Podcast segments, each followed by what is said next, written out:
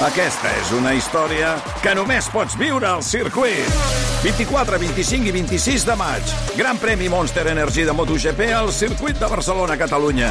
Compra ja les teves entrades a circuit.cat. Viu-ho! Via lliure. Podcast. Au village sans prétention, j'ai mauvaise réputation. Je me démène ou que je reste. Hola, Santi Jiménez. Bon dia! Bon dia. Hola, Malcom Otero, com estàs? Què tal? Bon dia. Santi, alguna novetat de Can Barça o no? No, tot molt tranquil, tot molt tranquil, tot molt tranquil. Tu uh, no, no estaràs a l'estudi, tu. Jo sí. Per què? Pots mirar per la finestra si el Camp Nou segueix en peu? No, no sé, Sí, sembla, ara, des d'aquí ara no el veig. Moments. Però vaja, sí, sí. No, pues, sí. Fem una crida als oients que viuen allà per travessar les Corts, Diagonal i tal, si us plau que avisin el programa quan, quan, quan, quan, quan caigui, quan col·lapsi l'edifici. Que ja així tindrem alguna cosa de què escriure. Ja, ja, estem ja. una mica, estem una mica avorrits. Sí, perquè no esteu fent res, no? No, no, no, res. No està passant absolutament res. Bé, eh, saps com acabarà això? A hòsties. Ah, val. Aquesta és la, la reflexió sempre del Santi, és la resposta clàssica. Va, anem amb els execrables. Avui, mira, això és molt fort, és molt fort el que ha passat, Santi, Malcolm. Què ha passat? Bueno, que hi ha una oient que ahir, a tres quarts de cinc de la tarda, va fer una petició d'execrable. Espera't, a veure, a veure si ho trobo, eh? Perdoneu, eh? Una oient que es diu eh, Teresa Regués. Teresa Regués. Regués. Suposo que és Regués, vaja, no hi ha accent, Ragues, doncs potser Ragues. Teresa Ragues o Regués. I va demanar un execrable molt, molt, molt, molt, molt concret. Ahir a tres quarts de cinc de la tarda. I curiosament, I és el és el que fareu avui, sí.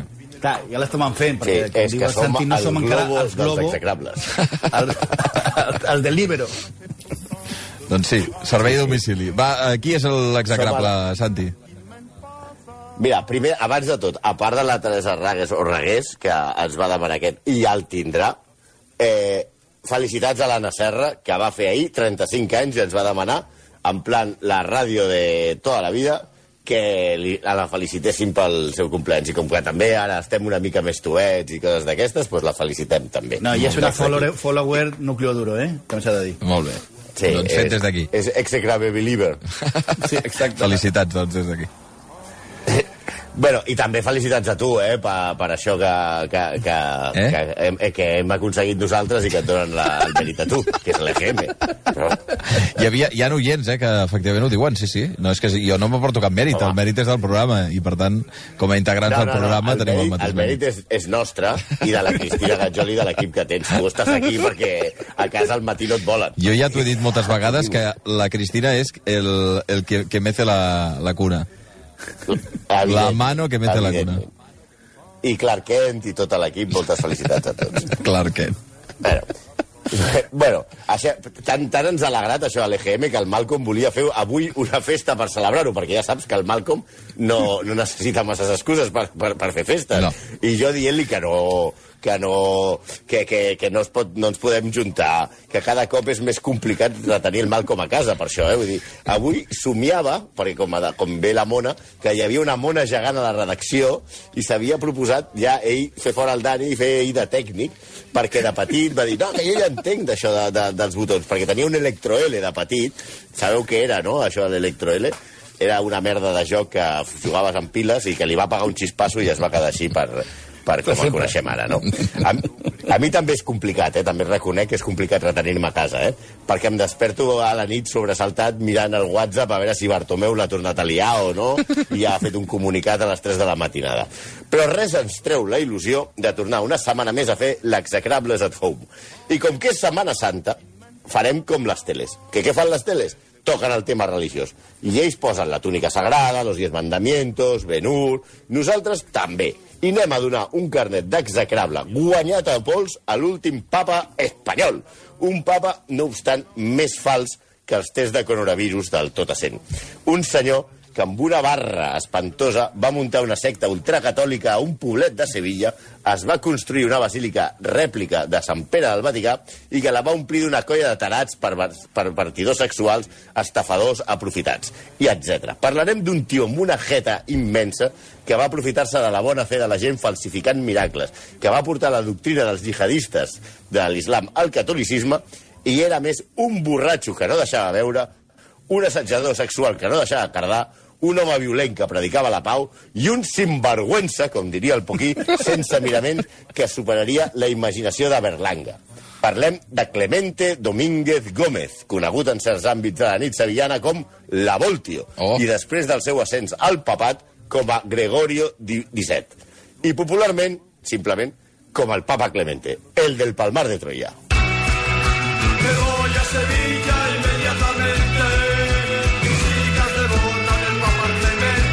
Vaya.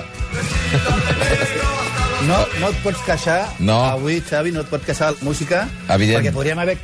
Volíem començar per una cançó que digués Vamos pal mar, i, no sé, alguna cosa més, més de les que ens agrada, o fins i tot jo volia pulsar una cançó de Stay Homes, perquè dos són de Calafell i, i això tira.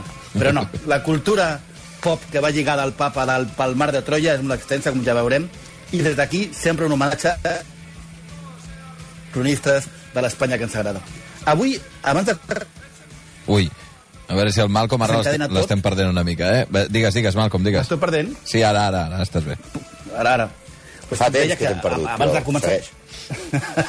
Estic perdut des de petit. No, però que en, en lloc de començar pel personatge, començarem pel lloc, el Palmar de Troia, que és una petita població de la província de Sevilla, molt a prop d'Utrera, lo- localitat que ha donat al món personatges fonamentals per la humanitat, com el cantaor, el cantador Miguel Vargas, alias Bambino, o Joaquín Caparrós, l'entrenador. Poca broma, eh? Sí, des d'aquí, per Bambino, un record a la Leo, que un dia tornarem al bar de la, de la Leo a la Barceloneta. Situem-nos, eh, tornem al tema, situem-nos. 1968. Quatre nenes, allà al costat d'Utrera, surten al camp a collir flors. La la la la la la la la. Es diuen Rafaela, Josefa, Ana 1 i Ana 2 Bueno, no es deia Ana 1 i Ana 2, però com hi ha dos que es diuen Ana, a una li direm Ana 1 i a l'altra li direm Ana 2. Mentre estan pel camp, la la la la la la, la tenen una estranya visió. Estranya de veritat, perquè tornen a casa molt espantades dient el que han vist. I què han vist? A saber, un toro amb banyes verdes, un home penjat del coll, no penjat com l'Albert Pla, sinó a, a la forca, i una dona de gran bellesa que identifiquen, sens dubte, com la Verge Maria. Òbviament, tothom se les va creure, perquè clar, si una, tia, una, una nena i et diu hòstia, he, he vist un toro amb banyes verdes, un tio penjat d'un arbre i una tia que està molt bona. És la Verge Maria. I aquí és on comença el liu. A veure, recordem, estem a l'any 68. Correcte. És l'any que es retira de, del mercat la metamfetamina als Estats Units i que neix el Santi Jiménez, aquest últim a Barcelona. No volem dir, no volem dir que les nenes es trobessin unes pastilles de colors al camp i creiessin que era el Carmel si després van veure el que van veure. Però era una altra època. Ara, si les adolescents volen molar, es compren roba a la maquinista, fan xats amb les amigues, fan lemes guai per les manifestacions i tal. Però l'any 68, l'única manera de destacar era si eres una, si eres una preadolescent, era dir que havies vist la verge. Sí. I si no, també tenien el TikTok. Tampoc hi havia TikTok. I la cosa els hi va funcionar. I vaja si els hi va funcionar. El lloc de l'avistament es converteix en un lloc de peregrinació de moltíssima gent que va allà a resar o a veure l'aigua d'una font que deien que curava els malalts. Els capellans comencen a fer misses allà en aquell lloc i es concentren en alguns caps de setmana, atenció, 40.000 persones. La majoria que hi van asseguren que quan hi van veuen a la verge, o a Crist o a qui sigui. Hi ha gent que entra fins i tot en èxtasi, hi ha imatges, es poden trobar fàcilment per YouTube o en una sèrie que, que han emès ara fa poc a Movistar. Televisió Espanyola, l'única televisió existent aleshores, envia càmeres. Bé, ara no fa falta que sigui Televisió Espanyola l'única tele que hi hagués. Ara també Ana Rosa faria el programa des d'allà i, i, i a més a més allà en aquella zona comença una competició ridícula entre vidents. bueno, també començaria una competició ridícula d'Anna Rosa amb Susana Griso. Una competició de la que sortirien guanyadors dos vivales, que són de Sevilla. Clemente i Manolo, que sembla una sèrie d'aquestes de, de dos paletes, no? Que a més de visions presenten estigmes pels, pels de l'ESO ferides i que es fan ells mateixos. Es tallen les mans i la cara per simular les ferides de Crist. Tenen convulsions i es fan els amos del lloc dient idiotades com que en un dia han arribat a perdre 16 litres de sang. Però és que a Clemente se li apareixen 70 divinitat, divinitats, entre verges i sants. És a dir, la verge de no sé què, la verge de no sé quants, increïble. Si hagués tingut WhatsApp, se li hagués patat de tant missatge. Ara sembla ridícul. Però gilipolles no era aquest, eh? no eren gens gilipolles. Hola. Perquè mentre tots els, els fidels fan el ximpanzé allà, el, ells es posen en contacte amb els amos de la finca, que curiosament, o no tan curiosament, era los marqueses d'Urquijo, que els hi venen la finca on hi havia hagut l'aparició per una quantitat gran, però tenen l'ajuda d'una baronesa que es creu la patranya de la verge i tota aquesta mandanga, i ells li demanen ajuda i li els hi dona 18 milions de pessetes de l'època perquè comprin la finca. El primer que fan quan tenen la propietat de la finca, quan tenen l'escriptura, és fer una tanca i controlar el territori. Clemente, aleshores, tenia 23 anys i ja s'havia fet el amo del Palmar. Y nos cuenta Clemente el vidente que la bien Dios fundará, Oi, oi, oi, oi. fundará la orden carmelita con el nombre de la Santa Faz.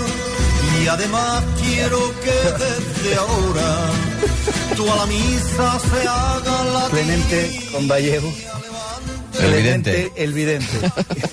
Anem per ell. Tenim, tenim que ja ha guanyat la, la batalla als altres vidents i fins i tot a l'arcabisbe de Sevilla, que des del principi va ser, òbviament, molt reaci a creure en les aparicions. Però Clemente va carregar contra ell i el va acusar de comunista i maçon. Tenim en compte que estem a l'any 69, eh? Comença també a rajar del papa Pau VI, seguint el corrent dels survivantis, que defensaven que els, que, que els comunistes, aquesta teoria és molt boja, eh? havien segrestat el papa real, l'havien drogat, l'havien confinat a un calabós al Vaticà i l'havien substituït per un doble. Però qui era aquest tipus capaç de tot això amb 23 anys? A veure, Clemente Domínguez era un jove comptable de Sevilla que havia rebut de petit una educació catòlica molt estricta, però que el cos, diguem-ne, li demanava mambo, li demanava altres coses. Ell treballava en aquella època de comptable a la companyia sevillana d'electricitat i per aquest motiu era conegut en els bars d'ambient homosexual de la ciutat com, atenció, que m'encanta el sobrenom, La Voltio. Ell mateix, en les seves biografies, feta pels seus acòlits, reconeix, obro cometes, que en mi juventud conocí las vanidades de la vida. Vol dir que es va menjar més rabos que polvorón. Noi, Però era un noi, home molt noi, home, per favor. Per favor. Home, va. Home, va. Oh, Però bueno, digue'm. diguem-ne que era un home molt loquaç, amb un gran carisma i amb una capacitat de trash talking que ni Stoichkov. Sí, i si ell, i, i si ell era, el, era el carisma, el seu amic Manolo, que era el seu nòvio, era el cervell. Era un advocat amb molt malassars que va dissenyar el pla. El que, el que havien de fer primer era aconseguir legi- legitimitat eclesiàstica. Tots dos havien estat al seminari de joves i sabien com fer-ho. Al moment internacional els ajudava. A finals dels 70, sectors de l'Església van revoltar-se contra el papa per modern, imagineu-vos. Volia la missa en llatí, d'esquenes al poble i tota la mandanga. El cardenal Lefebvre era el líder d'aquest moviment que acaba sent excomulgat. Un dels seus seguidors és un bisbe de Vietnam anomenat Pierre Martin Dongo Tuc, que ha de fotre el camp del seu país perquè ha matat el president, el president de, de Vietnam, que a més és el seu germà. Clemente i Manolo porten a Tuc a Sevilla i el convencen per tal de que s'ordeni bisbes. Només un bisbe pot ordenar un bisbe. Quan ells són bisbes, el primer que fan és fer bisbes a tota la colla. El xiringuito pren forma. Vale, fins aquí tenim un parell d'estafadors pels quals ningú apostaria res, perquè de seguida tant la Conferència Episcopal Espanyola com, la, com el Vaticà no els va reconèixer la condició de bisbes. Però al tanto perquè tampoc els veien massa malament. Amb una Espanya en la que acabava de morir Franco, molts fatxes, bueno, més o menys com ara, veien amb molt bons ulls uns capellans que defensessin la cruzada nacional, les misses d'abans, i els van no els hi feia massa ganes, però els deixaven fer. I a més de deixar-los fer, els van finançar i comencen a estafar molt seriosament a base de trincar donacions. Van començar a rebre donacions a tort i dret. La gent, quan es moria, els pobra, pobra gent que tenia fe, els legava als pisos i comencen a rebre enormes quantitats de diner des de l'exterior, especialment des dels Estats Units, des de Suïssa i des d'Irlanda. Es fan multimilionaris d'un dia per l'altre. A més d'enganyar la gent, també rentaven diners de gent poc recomanable. Menys recomanable que ells, fins i tot, eh? I amb, tas, I amb tanta pasta, què és el que fan? Doncs pagar-se la vida padre, construir-se una basílica faraònica a imatge de Sant Pere del Vaticà. A la zona el coneixen com el Vaticano Chico. 3.500 metres quadrats de basílica, estances i tot el necessari per aïllar els fidels del món exterior amb 600 metres de muralla de 4 metres d'alt, o sigui, és gairebé el mur de, de Trump. La broma els costa el canvi 13 milions d'euros i es paga a tocateja. Al poble ningú diu res, perquè qui, qui més qui menys té feina a l'obra. I a més, el capellà el veuen inofensiu, de moment.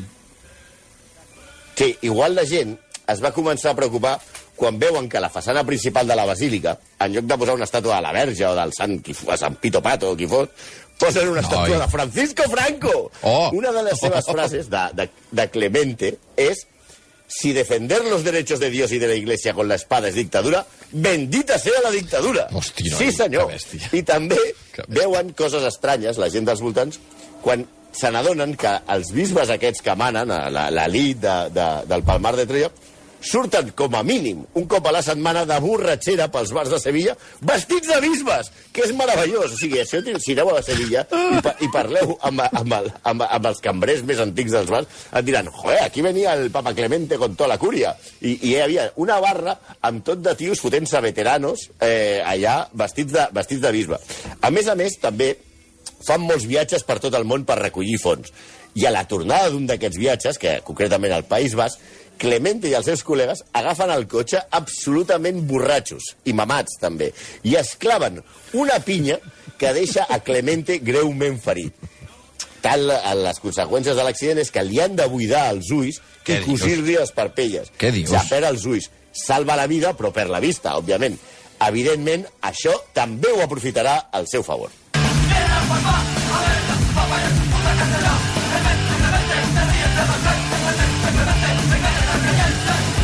Clemente, Clemente, te ríes de la gente, eh?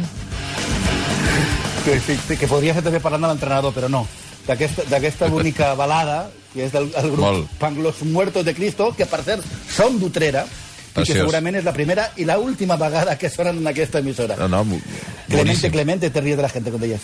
Però no us imagineu de quina manera Clemente, Clemente se ríe de la gente. D'entrada, diu que la, la seva ceguesa és un acte demoníac per evitar que difongui el missatge de la Verge.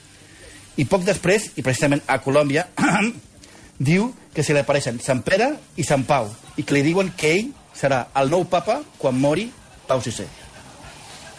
Home, evidentment, si t'ho diuen Sant Pere i Sant Pau, que no és que siguin precisament, eh, jo què sé, eh, André Gómez i Chigrinsky, són, són, són titulars de, de l'alineació. No, i, I, no anem bé. I a més a més, Sant Pere i Sant Pau t'ho diuen, i a més a més, estàs a Colòmbia i t'acabes de posar una mombra, doncs el normal és que els hi facis cas. Dit i fet, el 6 d'agost de 1978 mor No, no, Pau no, VI no, no passa i el mateix dia, se- sense conclave ni res, Clemente, des del Palmar, s'autoproclama papa amb el nom de Gregori XVII. Diu que ell serà l'últim papa i que morirà cru- crucificat a Jerusalem. Però, ojo, que retornarà de la mort perquè abans recuperarà la vista. Us ho juro que no m'ho estic inventant. I ell diu que recuperarà la vista i posa data. Concretament diu que recuperarà la vista el 12 d'octubre de 1992, coincidint amb el cinquè centenari del descobriment d'Amèrica i la Expo de Sevilla i els Jocs Olímpics, però encara ell no sabia que hi hauria Expo ni Jocs Olímpics. Entre altres coses Micaé? quan és papa, eh, Micaé, fiu, fiu, fiu. Eh, entre altres coses, el primer que fa és excomulgar el papa de Roma. Ell Oh, oh, excomulga el papa de Roma. Oh. Que, la, que la, al mateix temps, el papa de Roma l'excomulga ell perquè ell diu que el papa de Roma és l'anticrist i defineix el Vaticà com la gran ramera del món. Oh, Sí, També fa altres coses, com per exemple començar un nou santoral. Tots els sants fins al concili de Trento són acceptats, però ell fitxa per la causa i santifica a Franco, José Antonio, Hombre. Don Pelayo, Hosti, no falta ningú, eh? Cristófol Colom. Calvo Sotelo, el de la Vinga. Guerra Civil, el del Pòquins, eh? Escrivà de Balaguer i els màrtirs de la Guerra Civil, els feixistes, esclar. Mira, amb aquest va coincidir fins i tot i es va pensar al Vaticà. Música, maestro. gentlemen, Emerson, Lake, and Palmer.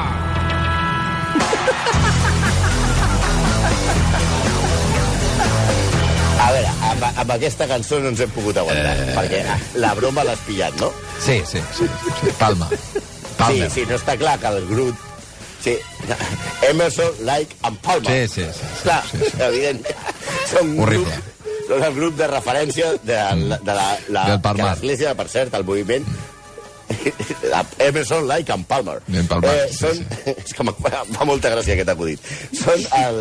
el Doncs és espantós. Eh, no hem dit com es diu el, el moviment d'aquests tios. Es diu la Iglesia de los Hermanos Carmelitas de la Orden Palmariana de la Santa Fat. El nom ho deixa ben clar. I eh, la veritat és que eren uns catxondos milionaris, els, del, els de l'Església, els de Sevilla, eh? Com a futbolistes, eren com futbolistes, com ja m'he explicat, però amb sotana, que s'agafaven unes bufes de campionat i que havien de sortir dels jocs molt, molt dels cops per potes. Anem a posar uns petits exemples del seu comportament mentre Clemente era papa i, a, i anava de farra amb els seus bisbes. Endavant, Malcolm. Alba de Tormes, 1982. La comitiva del papa Clemente arriba a la vila natal de Santa Teresa per fer una missa. Però en la borratxera intent- intenten robar les relíquies de la santa en la que el en un sermó qualifiquen de ramera.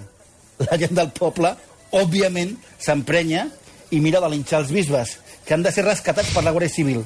Mentre estan declarant davant del jutge, el, el poble despenja el seu cotxe de la grua municipal i li cala foc. Les farres i les borratxeres i també els rumors d'abusos sexuals que es cometen a, al Palmer, amb Emerson i Lake, ocupen la premsa espanyola. Ara us llegirem només un fragment molt petit d'una notícia publicada al diari El País a 1987 en la que s'explica una de les notícies habituals de la colla de Clemente. Atents. Ara el que llegeixo és la crònica del País, eh? Mm. El Papa invidente del Palmar de Troya y cuatro mitrados de su séquito vienen demostrando últimamente una cierta afición al vino, y no precisamente al de la misa.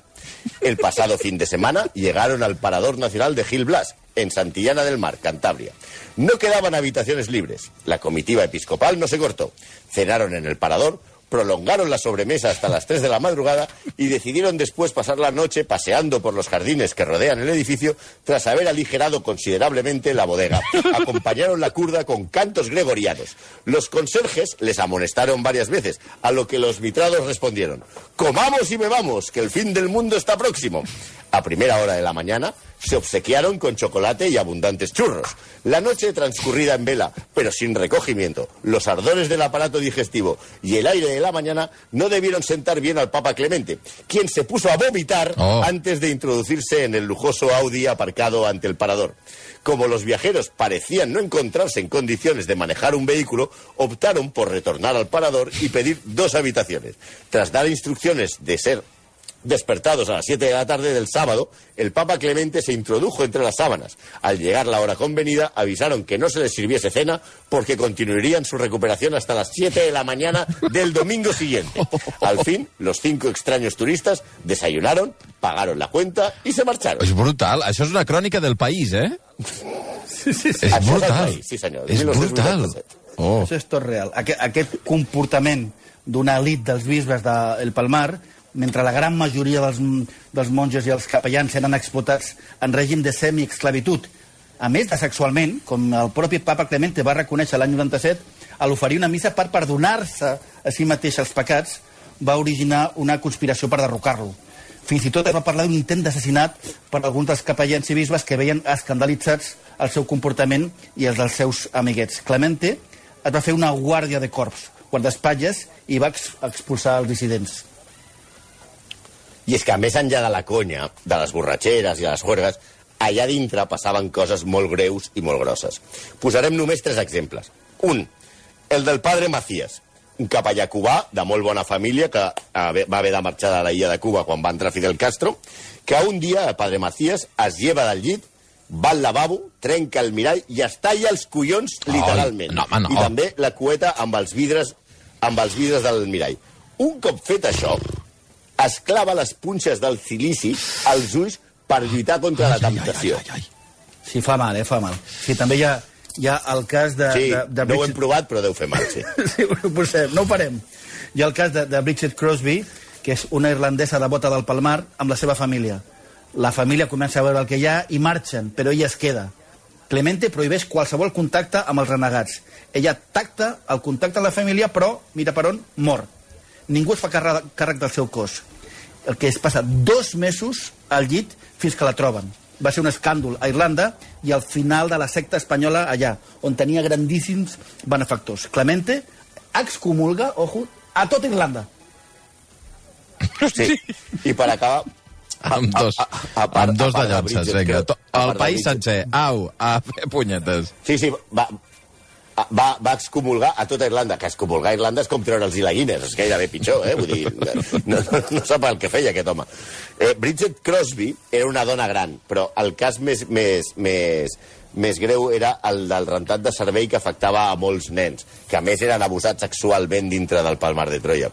Els nens no ho explicaven perquè no els deixaven sortir al Palmar, no tenien, no tenien cap contacte amb altres nens. També abusaven dels grans, com per exemple el padre Tobías, que clar, sí, el padre Tobías, ai, lo que le hicieron al padre Tobías. Va. Era un capellà que eh, surt del Palmar de Troia a causa dels abusos sexuals que patia per part dels altres capellans. Però finalment el tornen a convèncer per entrar. I allà en el Palmar mor en estranyes circumstàncies. La seva família mai va poder recuperar el cos ni aclarir els fets perquè el van enterrar de seguida a la cripta de la basílica. Clar, i us estareu preguntant, tot això és delicte o no és delicte? Ho era, però comptaven amb un escut legal. L'any 87, amb el PSOE del poder, el Tribunal Suprem va atorgar a l'Església Palmariana l'estatus legal d'organització religiosa. Així que poden anar fent. Les excentricitats del, del papa van seguir. Fins i tot va fer reescriure la Bíblia perquè si li va aparèixer, deia ell, el profeta Elias una nit de borratxera mentre sentia flamenc dient-li que la Bíblia, la Bíblia perdó, l'havien escrit els jueus i els maçons. Finalment, el papa Clemente va morir a peu d'altar, donant una missa absolutament mamat i borratxo, com diu el Santi, després d'haver-se fotut un dinar premium. Va tenir un ictus i la va palmar. La Troia. I pensareu que aquí s'acaba la història. Doncs no. Els seus successors encara són més patètics. I ja no és que siguin Berlanga, ja són Torrente. El va succeir, òbviament, Manolo, que va posar-se com a nom el papa Pere II, quan la veritat va perdre una magnífica ocasió per dir-se el papa Manolo. Però bueno, jo ja contra això no puc dir res. Va durar poc, perquè també estava gran i va morir d'un infant. I després ja arriba, papam, doble redoble, arriba un exmilitar anomenat Ginés, que va pujar al papat com Gregori XVIII, que té una altra novel·la. No, no, no ens estendrem massa. Només direm que aquest papa es va acabar escapant del Palmar amb una exmonja del Palmar que va posar els dos despullats a interviu, Oh. que va robar el papa mòbil, que Oh. era un BMW, perquè deia que era donació dels fidels, que està acusat de desfalcar l'ordre, que va acabar detingut quan va entrar una nit, ja no era papa, va entrar al Palmar saltant la tanca i es va barallar a punta de navalla amb els altres bisbes que hi havia i va ser detingut i va acabar tot així. Però aquest seria un altre tema. Però clar, nosaltres només volíem recomanar-vos que amb aquesta bonica història reseu molt, molt i que disfruteu d'una gran Setmana Santa. Eh, sapi... Amén. eh, Amén, amén. Eh, sapigueu que m'han arribat entre 5 i 10 missatges de el cafè avui ha sortit volant. O sigui, ha sortit volant o ha sortit per orificis que no són els que tocarien. Però, en fi, uh, agraït bueno, com sempre, eh? Al Palmar eren molt especialistes Sí, en no, no, és igual, és igual, m'és igual, ja. Ja no vull res més, La ja meva està. imaginació comença a disparar. Vinga, au, Santi, Malcom, au, vinga, a fer reflexió, a fer una mica de silici. Claveu-vos el silici. Apa, adéu-siau. Sí, sí. Adéu. pendu, sauf les aveugles, bien entendu.